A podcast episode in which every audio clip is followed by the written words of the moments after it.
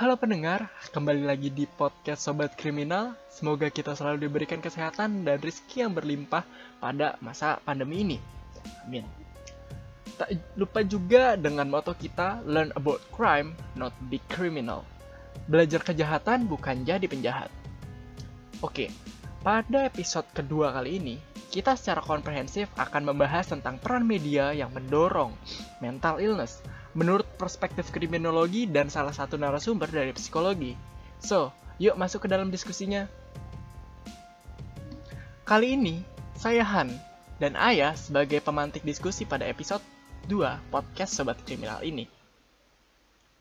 Halo semuanya teman-teman, uh, pada podcast kali ini aku Ayah, aku juga sama sama Farhan dari jurusan kriminologi juga. Nah pada podcast kali ini aku sama Farhan itu mau bahas uh, isu tentang peran media sebagai pendorong illness gitu uh, pada masyarakat di Indonesia. Gitu. Nah pada podcast kali ini juga kita uh, bersama dua narasumber kita ya Han. Bener banget, wah ini narasumber-narasumber yang berkompeten banget ya di bidangnya istilahnya ya. Boleh diperkenalkan nih salah satunya nih. Ini ada Kak Afi yang sebagai psikolog nih. Halo Kak Afi. Halo. Eh, aku bukan psikolog, aku masih S1. Oh, masih S1. Berarti sebutnya gimana nih Kak? Penyeb alumni psikologi gitu aja. Oke, alumni psikologi lah. Tapi oh, oh. Uh, sudah istilahnya expert lah di bidang permasalahan kesehatan mental istilahnya kayak oh, gitu. Enggak juga sebenarnya, aku perlu banyak belajar. iya, kita sama-sama belajar lah kak di sini kak. Oke. Okay. Kembali ke Ayah. Satu narasumber kita juga nggak kalah menarik nih Han. Ada uh, yang sering kita panggil dengan Mas Luki. Nggak apa-apa nih ya, aku manggilnya Mas. Wih, kan kita, kita udah sepakat tadi manggilnya Mas kan. Mm -mm. Ini nih Han, dia itu mm. uh, juga sebagai kriminolog dengan uh, hmm. uh, dia tuh suka diundang ke televisi gitu kan jadi uh. makanya kehadiran Mas Luki di podcast kita kali ini tuh menarik banget kita bisa bahas Ih. perspektifnya uh, kriminolog mengenai uh, peran media dalam uh, yang berkaitan dengan kesehatan mental. Mm -hmm. gitu. Jadi dalam pembahasan kali ini gitu ya, kita berharap uh, kita semua bisa belajar dari apa namanya dari podcast ini gitu kan ya dari apa yang kita bahas di sini juga tentang pentingnya gitu loh uh, apa kesehatan mental di era sekarang gitu, terutama media salah satunya itu menjadi uh, suatu internet uh, sebagai pendorong mental illness. Apalagi media sekarang gitu kan ya media internet sendiri berkembang pesat. Apalagi penggunanya sekarang itu tidak bisa terkontrol lagi seperti itu.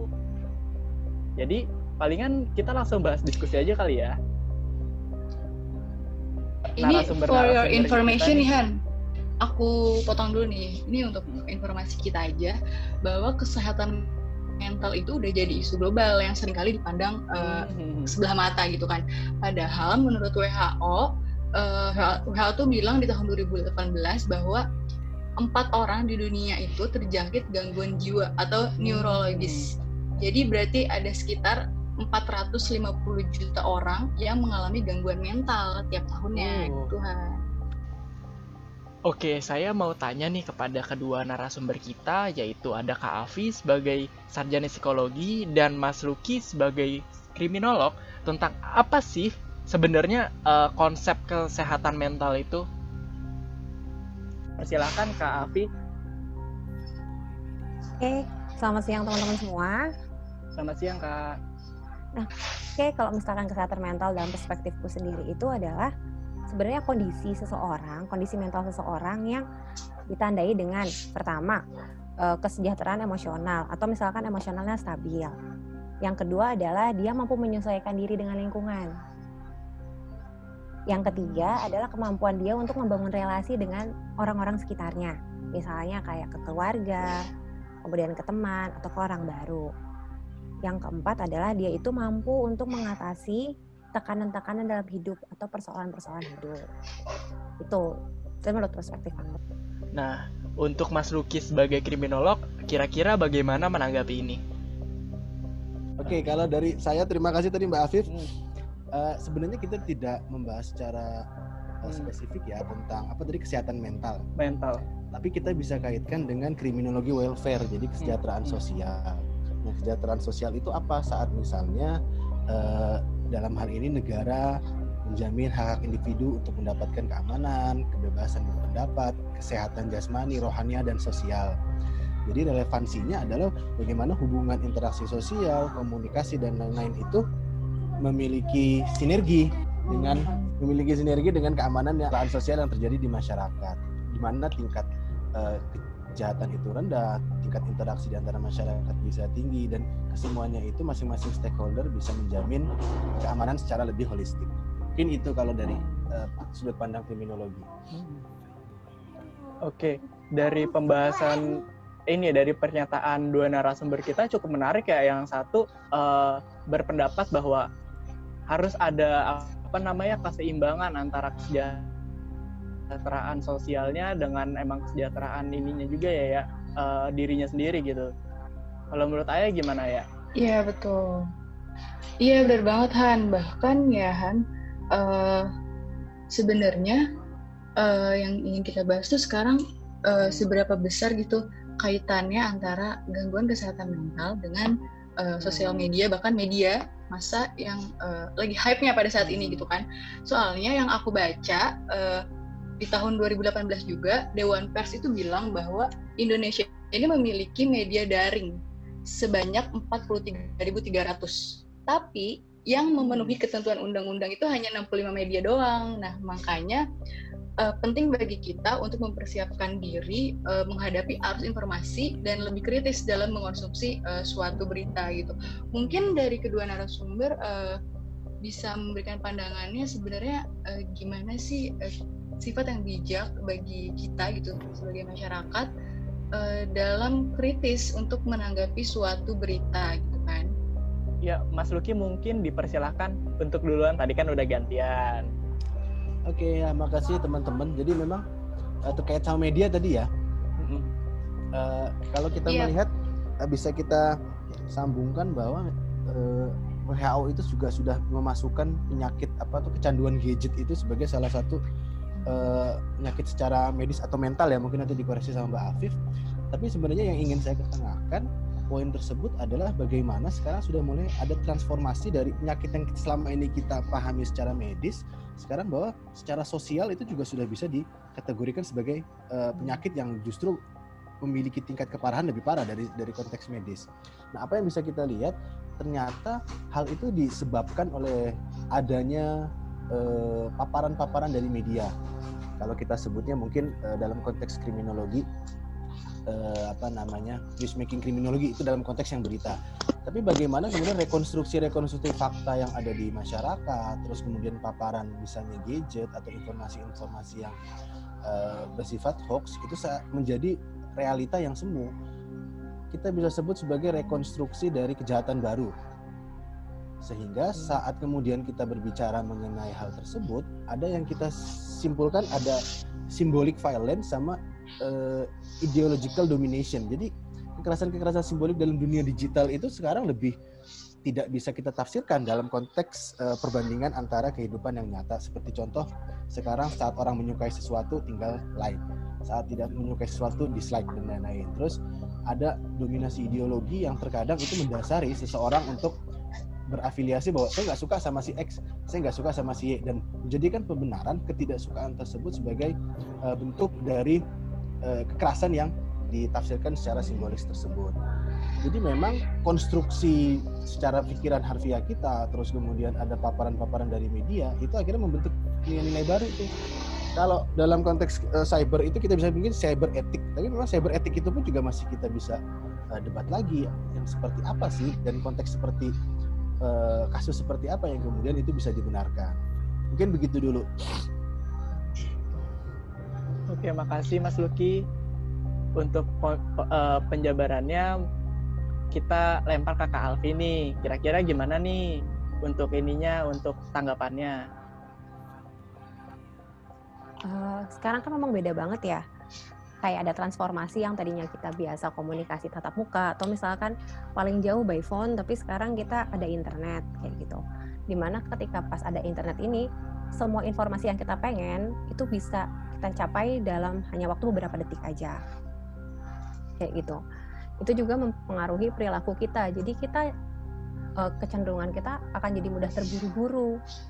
Kayak gitu dibandingkan dulu mungkin kita lebih bisa oke okay, lebih bisa tunggu waktu tapi sekarang kita malah jadi terburu-buru jadi tidak sabaran cenderung malah jadi lebih agresif kayak gitu nah aku baru nemuin salah satu artikel tadi bahwa uh, di otak kita tuh ada yang namanya ventral tegmental area. Dia tuh ada di bagian otak tengah.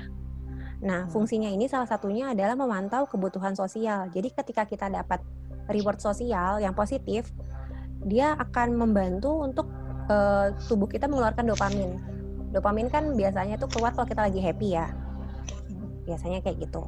Nah, ternyata pengalaman sosmed yang buruk atau misalkan kita banyak dapat dislike atau kita banyak banget dikonfrontasi sama orang ternyata eh, pengalaman itu itu sama dengan pengalaman ketika kita dibuang sama keluarga kalau menurut eh, menurut pencitraan di ventral tegmented area gitu jadi efeknya sampai sejauh itu ternyata ditolak di sosmed sama diusir dari keluarga itu efek di otak sama gitu.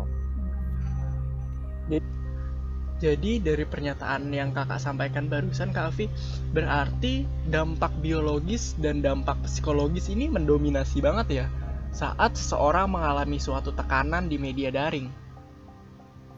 Berpengaruh juga gitu ya kayak media terhadap kesehatan mental seorang gitu ya kak. Ngaruh banget, ngaruh juga ke fisik kayak gitu ketika kita stres otomatis kan imun jadi turun tuh nah itu kita gampang kena penyakit jadinya nah permasalahannya di hmm? hmm? jadi maaf nih kak motong ya, uh, ya. jadi apa namanya uh, bisa dibilang kayak orang-orang bilang kalau masalah uh, pikiran itu adalah jadi uh, sumber penyakit berarti itu bisa dibenarkan ya kak ya oh bisa banget itu bisa banget ada lagi penjelasannya di sini uh, jadi di otak kita tuh ada bagian namanya hipokampus. Dia tuh memang e, berfungsi di dalam area memori. Hipokampus ini e, salah satu kerjaannya itu membandingkan dunia luar, dunia apa yang kita lihat, apa yang kita dengar sama dunia internal kita. Nah, jadi ketika dia nemuin ada perbedaan antara dunia luar dan dunia internal kita, kita kan diri kita sendiri kan istilahnya punya uh, citra diri ya atau uh, istilahnya real self diri kita yang sesungguhnya dan diri ideal kita. Biasanya kalau di sosial di, di dunia luar kita punya diri ideal tuh. Nah kalau itu terlalu beda jauh itu bisa memunculkan stres. Jadi si hipokampus itu akan ngasih sinyal ke amigdala untuk mengaktifasi salah satu aksis. Nah, aksis itu dia memunculkan respon stres. Nah, respon stresnya itu nanti ke jantung arahnya si jantung otomatis akan e, ngasih sinyal untuk dia makin memompa darah lebih kuat lagi ke seluruh tubuh khususnya tubuh tuh khususnya bagian tubuh yang dia tuh biasanya umumnya menerima respon fight or flight jadi ketika kita menerima apa ya tanda bahaya biasanya respon apa tubuh merespon. Antara kita kabur atau kita ngelawan kayak gitu.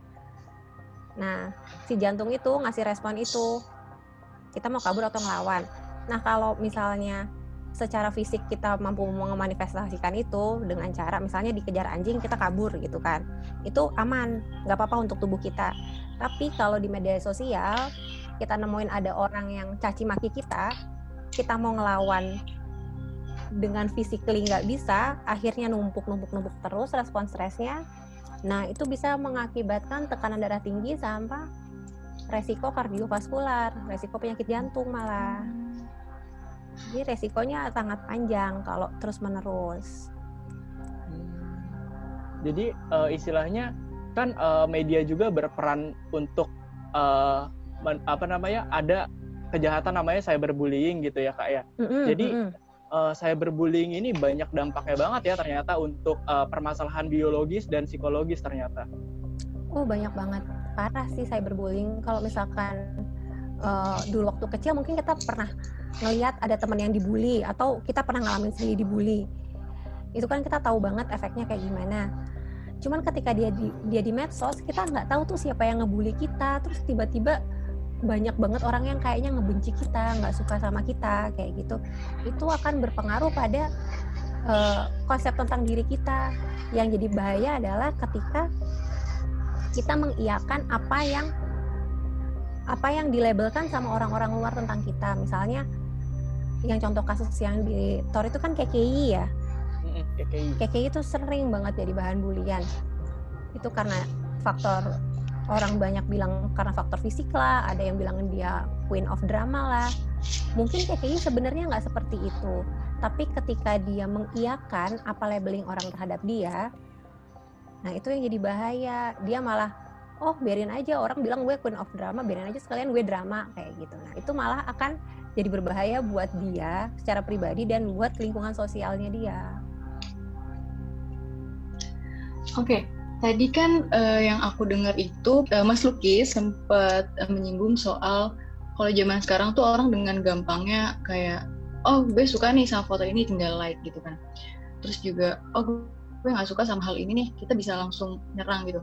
Nah yang aku pengen tanya di sini itu mengenai kasus kemarin yang lagi rame tentang prank sampah. Itu kan rame banget ya. Sampai-sampai uh, kasus itu tuh jadi trending di Twitter. Nah aku juga nggak membenarkan uh, tindakan si Ferdian Palaka ini tentang prank sampah. Cuma aku merasa mulai ada yang nggak benar di saat orang-orang di Twitter itu membuli si Ferdian ini sampai uh, trending gitu. Nah, apakah di saat si orang-orang di Twitter ini uh, membuli si Ferdian, apakah mereka juga jadi pelaku uh, kriminal gitu, pelaku cyber bullying gitu, Mas Loki? Apakah bisa diluruskan? Uh, ya, Mbak Mbak Laila ya. Ya memang dalam konteks cyberbullying itu yeah. kan uh, dari segi hukumnya memang agak unik ya bahwa uh, delik aduannya itu tidak hanya dari uh, korban tapi di satu sisi dia juga bisa dari orang-orang yang memang merasa bahwa ini bisa dikategorikan sebagai bentuk dari uh, kejahatan dari konteks internet. Terus terkait sama uh, pelaku dan lain-lain. Nah dalam uh, cyberbullying itu memang peran dari bystander. Bystander itu adalah orang-orang yang memberikan respon orang-orang memberikan respon itu memang penting. Maksudnya adalah gini, mungkin dalam kasus KKI atau misalnya Fadian Paleka itu tidak di trendingkan oleh netizen dalam tanda kutip ya, bisa jadi itu tidak akan menjadi perhatian sehingga tidak ada yang memberikan respon. Nah, siapa kemudian yang bisa membuat itu trending?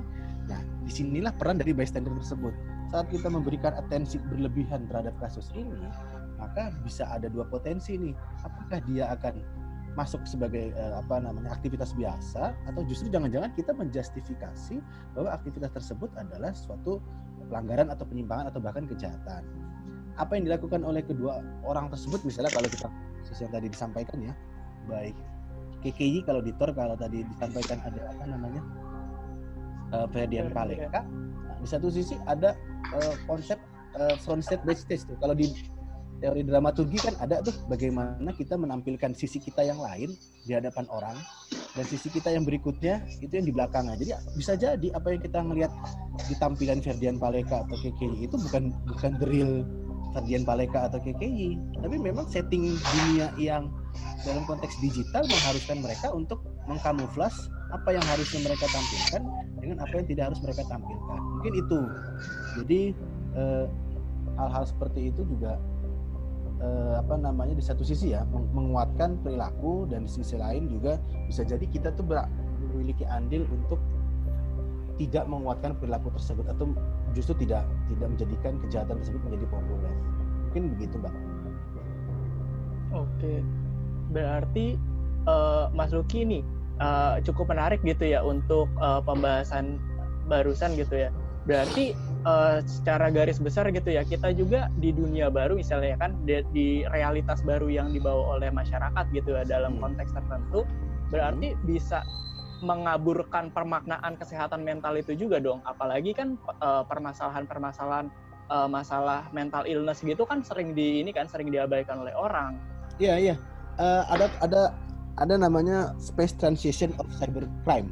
Jadi ada bagaimana orang-orang yang tadinya berkomunikasi secara uh, apa namanya secara fisik gitu ya ketemu konvensional terus kemudian mereka mengalami kalau kita sebut secara uh, konteks budaya itu kultur lag jadi mereka tuh kayak shock gitu loh. Shock melihat bahwa oh ternyata dengan komunikasi kayak begini kita bisa bersifat anonim nih. Jadi kalau ngatain orang bisa bebas aja. Atau kalau kita maki-maki orang orang itu nggak akan marah.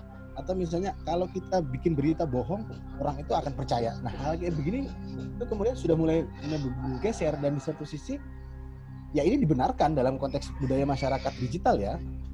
Hal seperti ini. Jadi ya ya memang begitu kondisinya begitu Mas Farhan ya kalau untuk uh, Kak Afi sendiri gimana Kak mendakap, uh, menanggapi tentang uh, realitas baru nih ternyata kalau kesehatan mental itu nggak seperti yang kita konsepsikan gitu loh hmm kalau misalkan menurut Farhan sendiri tuh awalnya kesehatan mental tuh apa sih sebenarnya?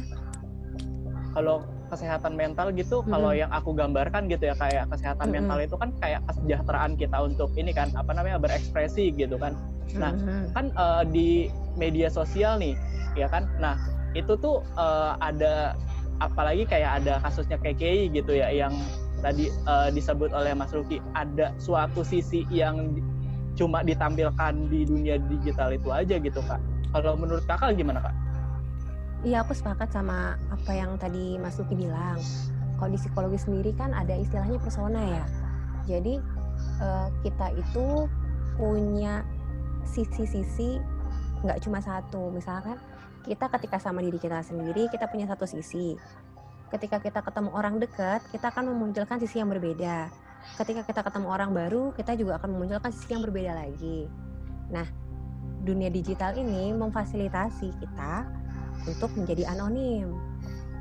Nah, dengan itu sebenarnya kita itu sebagai kalau aku nangkep itu sebagai sebuah clue sih bahwa ternyata manusia tuh bisa punya potensi seperti itu ya kalau jadi anonim. Misalnya yang kata Pak Luki tadi bilang uh, akan lebih mudah untuk bully orang karena ngerasa orang apa mereka nggak tahu kok yang ngebully aku kayak gitu. Jadi sebenarnya kita punya tuh potensi-potensi dalam tanda kutip kejahatan ketika kita menjadi anonim kayak gitu.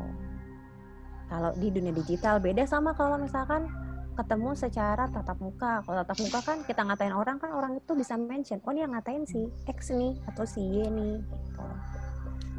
Jadi malah Jadi emang di media di, maaf kak motong uh, jadi di media sosial ini sendiri gitu ya terutama kayak hmm. fenomena cyberbullying ini sendiri uh, satu sisi juga uh, manfaat positifnya itu salah satu pengekspresian diri tapi buruknya itu adalah tujuan dari ekspresi ini baik atau enggaknya itu nggak bisa kita ini kan karena anonim tadi gitu ya kak ya? Iya karena anonim tadi. Ada juga orang jadi kecenderungan ngebully karena dia dapat penguatan dari orang sekitar. Oh orang sekitar aja ngebully dia kok berarti wajar dong untuk kamu ngebully dia? Tuh jadi dapat penguatan. Kalau misalnya kita ketemu secara tetap muka kan orang nggak ada yang berani ngebully nih. Berarti hmm. niat buliannya disimpan aja dalam hati. Tapi kita di sosmed dia ngeliat oh netizen juga banyak kok yang benci sama dia yang ngebully dia. Ya udah gue ngebully juga nggak masalah. Karena bulian itu semacam diamini dan dibolehkan aja di dunia maya jadi dari perspektif yang Kak Alfi bilang, saya membayangkan jika sebuah tindak cyberbullying itu diamini oleh masyarakat, seakan-akan itu adalah hal yang wajar. E, ditakutkan juga kalau itu malah jadi suatu nilai atau culture dalam masyarakat untuk dijadikan suatu tren. Kalau nggak ikutan, nggak gaul lah istilahnya. Itu kalau menurut saya sih nyeremin banget sih kak. Iya bisa juga, bisa juga. Jadi uh, faktor orang untuk ngebully orang di sosmed itu kan bisa banyak ya nggak cuma satu faktor aja bisa karena memang uh, dia ikut-ikutan oh orang lain pada ngebully dia. Kalau gue nggak ngebully dia berarti gue ada di kubu yang berbeda nih. Dia nggak mau. Itu istilahnya dia pengen konformitas sama uh, lingkungan di sosmed. Ada juga yang memang dia udah punya kecenderungan untuk ngebully ditambah penguatan dari banyak orang di sosmed dia berani untuk ngebully kayak gitu. Wah keren banget sih dari penjelasan kedua narasumber kita ini. Kita mulai terbuka masalah cyberbullying Itu ternyata punya dampak secara mental maupun sosial. Dan dampaknya itu gak kecil gitu Dampaknya itu masif, besar gitu. Kalau menurut Ayah sendiri gimana?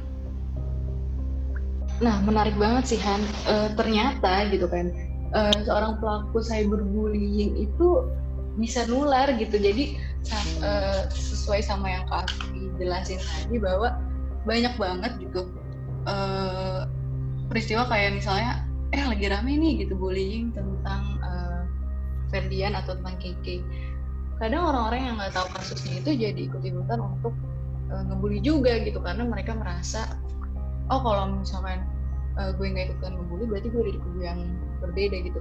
Nah yang pengen aku tanyain untuk masuk dan Kak ini apakah perilaku menyimpang itu kan uh, bisa ditularkan gitu sama halnya kayak media menampilkan sesuatu yang negatif gitu kan nah otomatis si penontonnya ini juga melakukan hal yang sama sama yang dilakukan di media gitu jadi apakah perilaku menyimpang itu memang dengan mudah uh, ditularkan gitu dari suatu konten. Kalau kita nonton di Instagram gitu kan banyak konten yang sebenarnya uh, tidak mengedukasi gitu. Nah, apakah konten tersebut dengan mudah menularkan ke si penontonnya? Gitu. Apalagi perilaku-perilaku yang menyimpang. Siapa dulu nih? Kavi dulu kali ya. Oke, Kavi, monggo.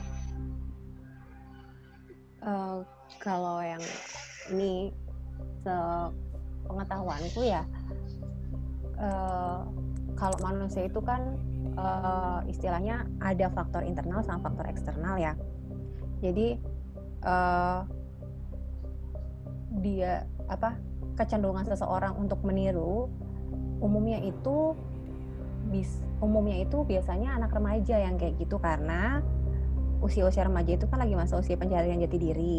Jadi dia mencari mana nih modeling yang paling oke okay untuk dia tiru kayak gitu. Kalau misalkan modelingnya bagus, itu syukur. Cuman kadang-kadang kalau di internet itu justru yang dapat atensi itu adalah kebanyakan yang malah ngasih contoh-contoh yang kurang oke okay, gitu. Dia malah justru dapat banyak atensi. Nah, untuk eh, anak-anak yang masih di usia remaja, mereka nyari jati diri itu terus mereka ngelihat oh orang yang apa istilahnya ngelakuin hal negatif ini kok banyak orang yang seneng ya banyak orang yang suka ya nah akhirnya dia bisa uh, mereplikasi perilaku itu ke dirinya sendiri. Tapi hal ini juga dipengaruhi sama faktor-faktor yang lain. Misalnya kayak uh, culture di keluarganya kayak gimana sih? Apakah di keluarganya itu sepakat sama perilaku yang buruk tersebut atau tidak? Itu akan menjadi pertimbangan juga. Kemudian juga uh, dari culture di lingkungan pertemanannya.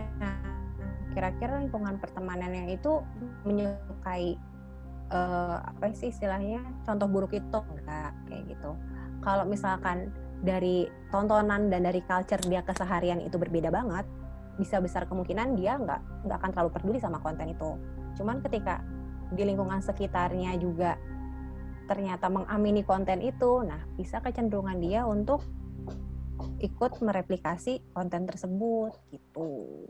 Uh, jadi dari penjabaran Kak Alfi sendiri gitu ya berarti nggak serta merta seseorang itu langsung meniru apa yang mereka respon dari sebuah tontonan. Terdapat rasionalisasi dan pertimbangan-pertimbangan tertentu yang membuat mereka itu meniru atau enggak suatu perilaku tersebut kan kak? Nah kalau misalkan dia apa istilahnya value keluarganya, value lingkungan pertemanannya yang mengamini itu atau malah cuek ke si orang itu dan nggak terlalu peduli bisa jadi dia uh, meniru konten itu untuk get attention memperoleh atensi dari orang-orang sekitarnya biar gue diperhatiin.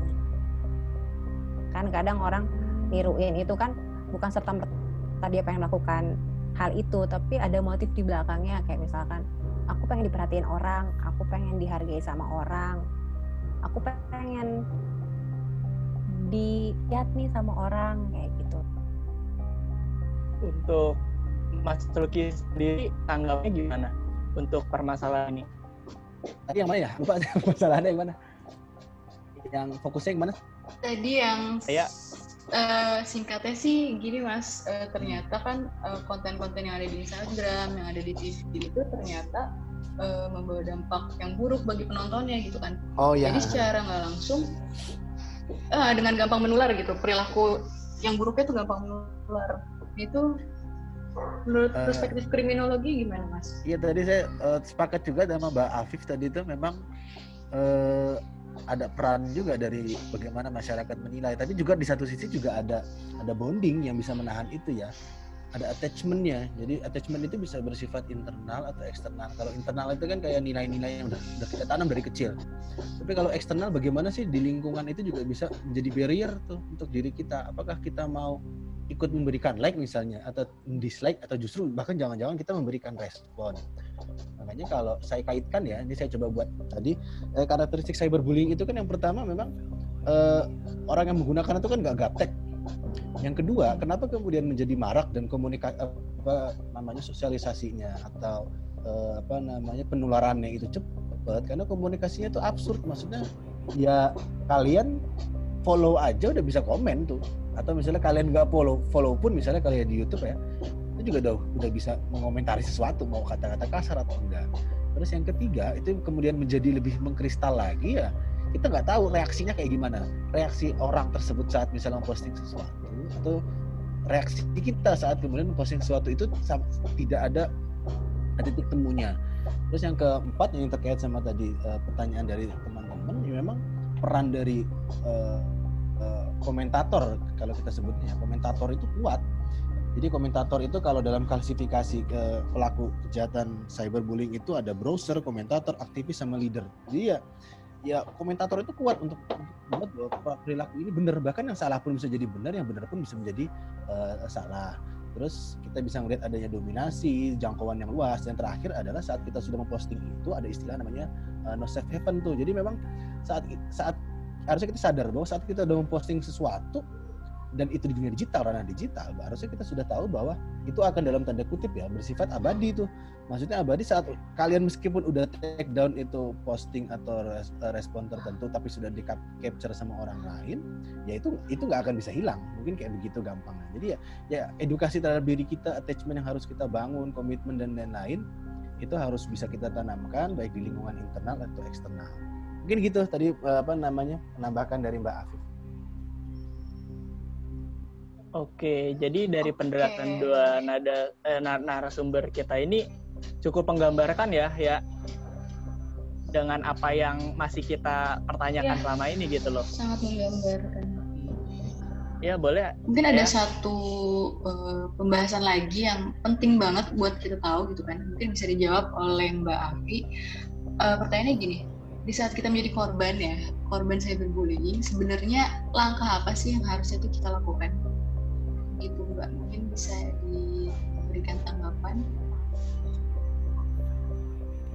Oh kalau kita misalkan jadi korban saya berbully pertama-tama kalau menurutku yang mes, yang sebaiknya kita lakukan kita harus sadar sama perasaan kita sendiri. Ketika memang kita jadi korban bullying apa sih perasaan dominan yang kita rasain? Apakah marah ataukah sedih atau apa. Nah selain itu kita juga bisa minta bantuan sama orang-orang terdekat juga. Misalkan orang tua keluarga teman atau pasangan atau siapa pun. Ibaratnya kita bisa rilis stres atau rilis emosi ke mereka. Jadi kita bisa curhat sama mereka apa yang kita rasakan. Pertama itu. Nah kalau misalkan eh, kira-kira nih ya dari kita curhat kemudian kita coba untuk memetakan emosi kita. Perasaan perasaan-perasaan yang nggak menyenangkan itu masih tetap ada, ada baiknya menurutku untuk konsultasi sama profesional. Karena dikhawatirkan uh, efek dari cyberbullying itu bisa sampai ke ranah depresif. Atau misalkan ranah-ranah eh, ibaratnya ranah-ranah yang uh, yang medis kayak gitu jadi sebaiknya konsultasi sama yang profesional kalau udah parah Oke, makasih Kak atas uh, penjelasannya. Kalau untuk uh, Mas Luki sendiri untuk menanggapinya seperti apa, Mas? Iya, tadi uh, yang sudah disampaikan Mbak Afif memang seperti itu. Kalau dari saya juga saya ada ada ada empat poin. Yang pertama, kita uh, apakah kita mau menerima atau kita menolak? Maksudnya menerima adalah kita menganggap bahwa apa yang terjadi di dunia digital ya bukan the real me Jadi silakan itu ada di apa namanya entah kita menganggap itu sebagai korban atau di satu sisi itu sebagai pelecut kita untuk memperbaiki diri. Yang kedua, kalau memang kita sudah tidak terlalu termasang tergubris ya kita bisa menghindar. Jadi saya nyebutnya 4M, kita menghindar. Kalau kita memang sudah nggak lebih baik kita menghindar atau tidak tidak menghiraukannya. Yang ketiga, kita juga bisa uh, apa namanya menjustifikasi. Justifikasi maksudnya adalah tidak perlu kita balas dan kita respon kita anggap bahwa ya hater itu akan selalu ada. Jadi jadi pembenaran itu bukan kepada perilaku tapi pembenaran adalah bagaimana kita menguatkan diri kita melalui uh, attachment yang udah kita lakukan. Yang keempat tadi kalau kata Mafif juga bahwa kita mencari uh, ke orang yang tepat ya memang kita harus mencari dukungan sosial. Semakin masif ya kayak contoh uh, bintang M1 dan Nenen dia akhirnya mendapatkan dukungan sosial dari orang-orang yang memang memiliki uh, apa namanya kesam bukan kesamaan ya maksudnya eh, perasaan atau empati yang yang mungkin sama terhadap kegelisahan yang terjadi sekarang ini. Mungkin itu kalau dari saya. Dari penjelasan diskusi kali ini wah banget sih informasi dan penjabaran permasalahan mental illness dalam media terutama penjelasan tentang media sosial dapat melahirkan kejahatan cyber yaitu cyberbullying juga preventif atau pencegahan cyberbullying untuk korban dan pelaku itu sangat jelas digambarkan oleh Kak Alfi dan Mas Luki pada kesempatan podcast kali ini. So, jadi teman-teman pendengar nih ya, kalau merasa diri kalian mengalami gangguan mental akibat cyberbullying, boleh langsung berkonsultasi dengan teman-teman terdekat, pasangan, orang tua, apabila diperlukan. Maka berkonsultasilah dengan tenaga profesional. Saya dan Ayah sangat berterima kasih banget nih sama Mas Luki dan Kak Alfi yang sudah mencepatkan waktunya untuk berbagi informasi dan ilmu seputar keahliannya masing-masing dalam melihat media sebagai pendorong mental illness dan juga kejahatan-kejahatan cyber seperti cyberbullying serta cara pencegahan terhadap korban akibat cyberbullying pada kesempatan podcast kali ini. Iya, jadi ternyata hal-hal yang kita nggak anggap penting gitu kan mengenai sosial media dan cyberbullying ternyata itu penting banget gitu kan bahkan bisa sampai mengancam uh, kesehatan mental kita. Nah jadi buat teman-teman yang dengerin podcast ini yang lagi struggling media dengan cyberbullying bisa banget uh, ikutin tanggapan-tanggapan yang udah diberikan oleh Mas Suki dan Kak Afi. Mungkin kita udah masuk ke penghujung podcast ya Han ya. Oke, kita udah sampai di ujung pembahasan dan udah saatnya nih kami untuk undur diri. Terima kasih kepada pendengar yang sudah mengikuti pembahasan sampai akhir. Jangan lupa juga untuk mengikuti kita di Spotify ya, agar nggak ketinggalan podcast terbaru dari Sobat Kriminal. Belajar jahat bukan jadi penjahat. See ya!